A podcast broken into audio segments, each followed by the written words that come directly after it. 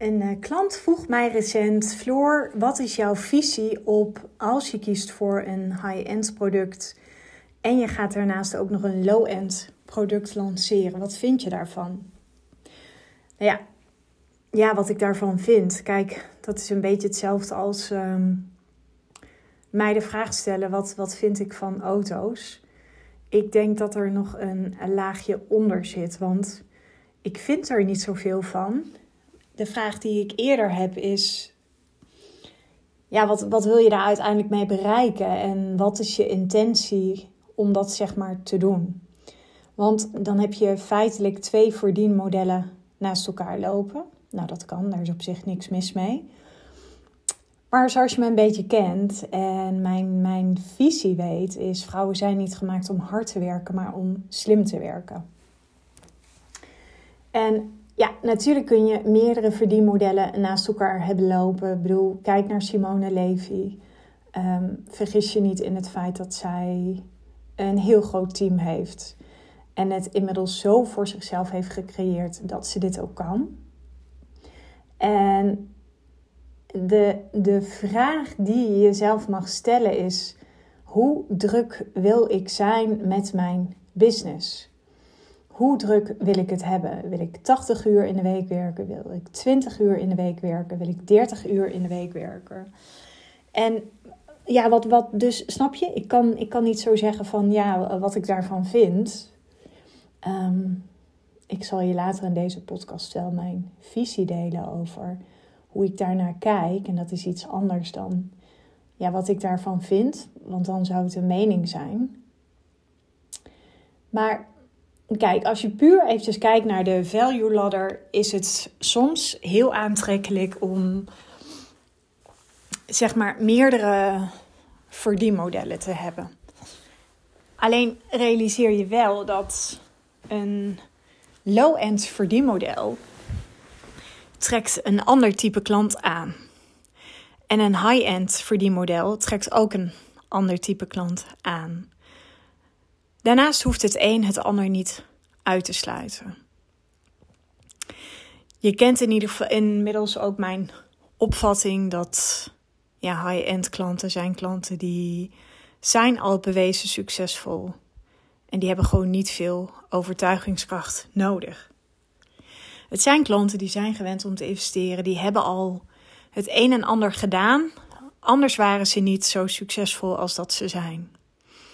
Low-end klanten daarentegen, die hebben gewoon wat meer overtuigingskracht nodig. Die hebben ook een langere tijd nodig eerder dat ze bij jou zullen gaan kopen. Kijk, een low-end klant kan altijd evolueren naar een high-end klant.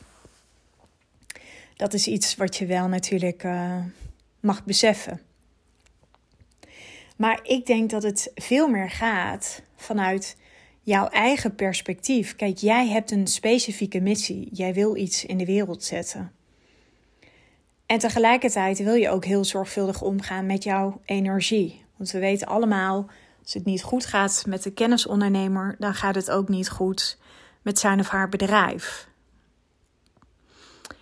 En voor mij specifiek mijn energie, want ik zou, ik zou prima een low-end product nu kunnen ontwikkelen heel specifiek gericht op het high-end verdienmodel. Dus echt een of ander instapproduct. Of ik zou een online programma kunnen ontwikkelen tussen de 1000 en de 2000 euro. Waarbij mensen het echt, uh, ja, het zelf gaan doen. Maar dat is niet waar voor mij de vervulling zit. Uh, dat is ook niet waarvan ik zeg dat wil ik. En bovendien, ik weet gewoon dat er best wel hele hoge kosten bij gepaard kunnen gaan. Tenzij je, hè, tenzij, want er zijn natuurlijk altijd uitzonderingen op de regel.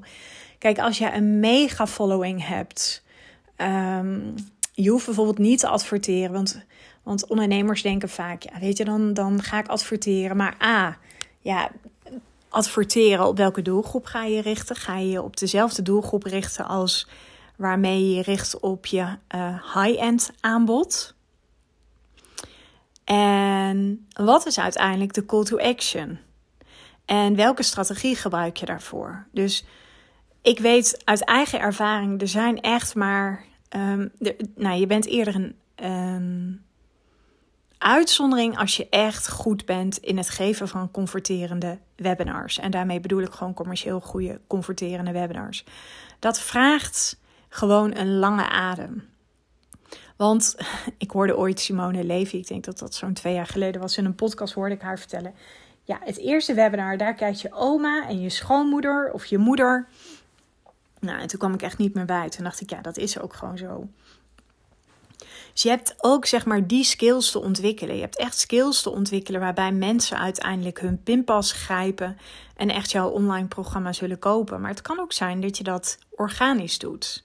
Dus dat je het vaak promoot of dat je met lanceringen werkt. Bijvoorbeeld dat je zegt van joh, ik heb een online programma en ik ga dat drie of vier keer per jaar lanceren. En ik zet de deuren open en dan heb ik echt een bepaalde tijd dat ik alleen maar bezig ben met lanceren. Nou, lanceren kent ook verschillende fases. Maar ja, nogmaals, ehm, het moet echt bij je passen. Je moet lanceren leuk vinden. Je moet het leuk vinden om webinars te geven. Je moet het leuk vinden om met je agency bezig te zijn. Om um, advertentieteksten te, te bedenken of te schrijven. Ik vind als ondernemer moet je dat nog steeds zelf doen. Net als dat ik vind dat je je eigen copy ook moet schrijven. Dat kun je echt een ander nog niet laten doen. Misschien ooit, als je op een gegeven moment mensen in dienst hebt die echt helemaal verweven zijn met jouw visie. Maar dan nog is dat echt een hele grote uitdaging. Dus ik denk dat je jezelf de vraag moet stellen van ja, wat is mijn doel ermee? Sommige ondernemers zeggen van ja, dan heb ik zekerheid. Bijvoorbeeld dat in de vakantie dat ik een passief inkomen heb. Maar een, een online programma of een low-end product, ja, daar is niets passiefs aan. Dat, dat, is, ja, dat is echt wel eventjes een verhaal wat ik heel graag middels deze podcast de wereld uit wil helpen. Toen ik een low-end product had, um, ik was goed in het geven van webinars, want ik had echt een hoge conversie iedere keer. En natuurlijk zitten daar soms wat pieken in, want soms zijn gewoon je advertenties een beetje verzadigd. Maar het vraagt constant overleg. Het vraagt constant kijken hoe doe je adset, hoe kan je het optimaliseren, moet er meer budget in. Dus je hebt gewoon veel overleg met zo'n agency. Nou, dan moet je ook nog weten wie je doelgroep is. Dus je hebt best wel, ehm, je hebt een hele goede strategie, die moet daarachter zitten. Je kunt daar niet zomaar mee aan de slag. En natuurlijk zijn er allerlei partijen die je daarin in kunnen begeleiden. Maar ook dat is natuurlijk een investering. En ik geloof heel erg in investeren. Alleen ik merkte aan mezelf toen ik zeg maar uh, webinars gaf en op een gegeven moment heb ik ze automated gedraaid. Ja, ik was vooral veel bezig met de cijfers. Ik was veel bezig met overleggen, want ik had iemand die deed het een en ander in Mailblue. Ik had iemand die bouwde mijn funnels. Ik had um, vaak overleg met mijn agency om te kijken wat doen de ads. Um, budgetten, want je neemt altijd een risico. Je moet goed, je blijft gewoon heel scherp op de cijfers. Ik moet overigens zeggen dat ik daar onwijs veel van heb geleerd. Maar ik voelde me op een gegeven moment meer van, ja, ik, was eigenlijk bestond het grootste deel van mijn werk uit het vullen van Excel. Uh, spreadsheets. En toen dacht ik, ja, dit, dit, is toch helemaal niet waarvoor ik ben gaan ondernemen. Dat vind ik gewoon helemaal niet leuk. En natuurlijk had ik ervoor kunnen kiezen om dat uit te gaan besteden. Maar op het moment ja, toen was ik al zover dat ik dacht van ja, hier zit voor mij gewoon niet de vervulling. Dus even terug, ja, sommige ondernemers die overwegen dat omdat ze dan aangeven van ja, dan heb ik zekerheid in de vakanties en dan draait mijn inkomen door. Maar ja, dat is misschien wel eventjes een. Ehm, ik denk dat dat niet helemaal klopt. Want A, je hebt geen zekerheid. Ik bedoel, ja, als je echt zekerheid wil, dan moet je niet gaan ondernemen. Plus, een passief inkomen is gewoon niet passief. Nou, dat heb ik net aan je uitgelegd. Dus ja, soms kan het super aantrekkelijk zijn. Ik denk op het moment dat jij bijvoorbeeld, en ik weet dat uh, Tess is een oud business buddy van mij, Tess Keizer, zij is van Hart Co. Um, zij is echt wel het voorbeeld van, zij had eerst een high-end, of ze heeft nog steeds haar high-end product. Dus daarin werkt ze net als ik één op één exclusive met klanten. En toen besloot ze uiteindelijk ook een academie te ontwikkelen. En nou, ik heb me mogen laten vertellen dat hij daar echt fenomenaal uitziet. Dus Tess, alle credits voor jou. En kijk, je wordt wel woest aantrekkelijk als je al een tijdje, zeg maar, die, uh, dat high-end aanbod gewoon al heel vaak hebt verkocht. En je hebt daar veel ervaring mee. Kijk, op enig moment kan het heel interessant zijn om, te dan, om dan te zeggen van... joh, ik ga dat middels low-end doen. En volgens mij moet ik zeggen dat Tess daar niet eens is uh, voor adverteert.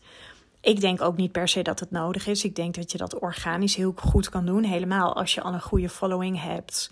Als je bijvoorbeeld in uh, de media bent geweest. Er is gewoon veel reuring rondom jou. En uh, Tess heeft natuurlijk ook een hele specifieke kerngedachte. Dus ja, dan, dan kan het heel interessant zijn. Maar op het moment dat jij nog in een fase zit, dat je bijvoorbeeld net van low-end naar high-end gaat, ja, dan heb je keuzes te maken. Want je verliest gewoon heel snel je focus als je en bezig bent met het verkopen van je high-end aanbod en je hebt daarnaast bijvoorbeeld ook nog een low-end product. Het kan, hè? Ik bedoel, ik, ik heb hier geen glazen bol en ik zal de laatste zijn die tegen jou zou zeggen van ga het niet doen. Dat is ook niet aan mij. Ik bedoel, ik ben niet de, de CEO van jouw bedrijf. Ik wil je alleen uh, mijn ervaring delen en ik wil je eventjes laten zien van ja, als je heel druk wilt zijn en als je je focus niet wilt verliezen, ik zou ervoor kiezen om uh, specifiek dan eerst voor high-end te gaan. Want high-end is gewoon um, ja, een, een. Ja, makkelijk wil ik ook niet zeggen, maar het is wel de meest simpele manier om heel snel heel winstgevend te worden. Omdat je goed organisch kan groeien. Je hebt maar minder klanten nodig en je hoeft maar een aantal klanten te hebben waardoor je ontzettend winstgevend bent. Alles in je bedrijf leidt naar één aanbod, dus je hebt niet heel veel werkprocessen, je hebt niet heel veel teamleden nodig. Nou, ik vind dat zelf gewoon zalig. Weet je, ik heb gewoon zelf een aantal strategieën die werken goed voor mij. Soms dan test ik eventjes een nieuwe erbij, maar ik denk dat ik al zo'n bijna anderhalf jaar lang dezelfde strategieën gebruik en die werken gewoon goed voor mij. Um, ja, ik vind het dan heel interessant om dan verder te kijken van in mijn aanbod, hoe kan ik dat verder upgraden? En dat is gewoon dus de hele vraag. Waar sta je in het ondernemerschap? In welke fase sta je? En als je op een gegeven moment alles op de rit hebt voor dat high-end verhaal. En je bent daar inmiddels ook bewezen goed in. Want je hebt daar natuurlijk ook weer sales skills te ontwikkelen. Omdat sales voor een hooggeprijsd aanbod, dat vraagt gewoon uh, meer verbinding. Dat vraagt vanuit jou vraagt dat sowieso consistentie. Dat vraagt van jou een stukje intimiteit met je publiek. En dat vraagt uiteindelijk een stukje credibility. Dus hoe geloofwaardig ben je? Ja, dat is feitelijk natuurlijk gewoon de funnel van no like trust. Uh, maar je hebt daarvoor ook te zaaien. Je hebt echt wel weer een visie neer te zetten. Dus Even terug naar de vraag die mij werd gesteld. Ja, wat vind je ervan? Ik vind er niks van. Ehm, mijn, mijn visie daarop is: zet eerst het een helemaal op. En als dat voor je werkt, als dat loopt en je bent daar bewezen succesvol mee, doe dan het volgende. Want als ondernemer is het zo makkelijk om je aandacht te verliezen, om je focus niet meer te hebben. En voordat je het weet, ben je met heel veel dingen bezig die je allemaal half doet. En bovendien ken je mijn visie werk volgens het Pareto-effect. Dus 20% van je effort moet uiteindelijk 80% van het resultaat in je bedrijf zijn. Nou ja, met, met de wetenschap van ja, wat ik nu met jou heb gedeeld. En misschien sta je op dit moment wel op een punt dat je zegt van nou, ik wil een juiste transitie maken van low-end naar high-end. Of misschien ben je al heel bewezen succesvol met high-end en voel je, hey, het is nu tijd voor een low-end product. Ik bedoel, ik zeg ook nooit nooit voor low-end. Alleen ik voel hem op dit moment gewoon niet, omdat ik ook zoiets heb van, ja, ik heb geen zin om 80 uur in een week te gaan werken. En bovendien ben ik hartstikke blij met wat ik nu doe. Ik ben um, bezig met het schrijven van een boek. Ik ben me energetisch en mentaal aan het klaarstomen om uh, toch wel um, nou ja, op termijn, en ik ga daar nog geen datum voor geven, maar ik ben mezelf al wel aan als een soort van aan het primen om een event te gaan geven. Uh, ik ben op dit moment bezig om met verschillende netwerkclubs in contact te komen. En het mooie is ook als je dat eenmaal hebt uitgesproken, dan word je ook van alle kanten op de een of andere manier uitgenodigd. Dus ik, ja, weet je, dus, dus ik denk uiteindelijk, er zijn zoveel wegen die naar Rome leiden. Het gaat uiteindelijk om de strategie die heel erg bij jou past. En ja, realiseer je tegelijkertijd ook dat Rome is ook niet in één dag gebouwd. Heb respect voor de tijd. Uh, ga bijvoorbeeld eerst eens een jaar lang hele waardevolle content iedere week delen op LinkedIn om echt een expert te worden. Want dat zijn de regels voor een expertstatus krijgen. Dus nogmaals, doe één ding gewoon heel goed en ga dan verder met het andere in plaats van heel veel dingen doen en uiteindelijk met, ja, waardoor je niets van de grond krijgt. Dus ja, dan heb je bij deze mijn, uh, mijn visie over hoe ik denk over een uh, high-end product in combinatie met een low-end product hebben. Mocht je vragen hierover hebben, nou dan uh, wil ik je uitnodigen om mij een mailtje te sturen, een DM'tje te sturen via Instagram of via LinkedIn. Ik hoor het heel graag van jou. En mocht je zeggen van nou Floor, ik zou heel graag willen weten welk perspectief jij op dit moment voor mij ziet. Want ik zie het zelf niet.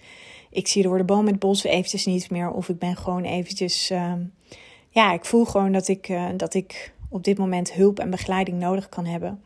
Als we met elkaar in gesprek gaan, zal ik je altijd mijn eerlijke advies geven. Ik geef je mijn perspectief en uiteindelijk zullen we zien of jij en ik uh, met elkaar kunnen gaan samenwerken of niet. Dat is uiteindelijk niet het doel van, uh, van het gesprek. Dus uh, in de show notes vind je een link en daar kun je een sessie bij mij aanvragen. En ik wens je voor nu een hele fijne dag.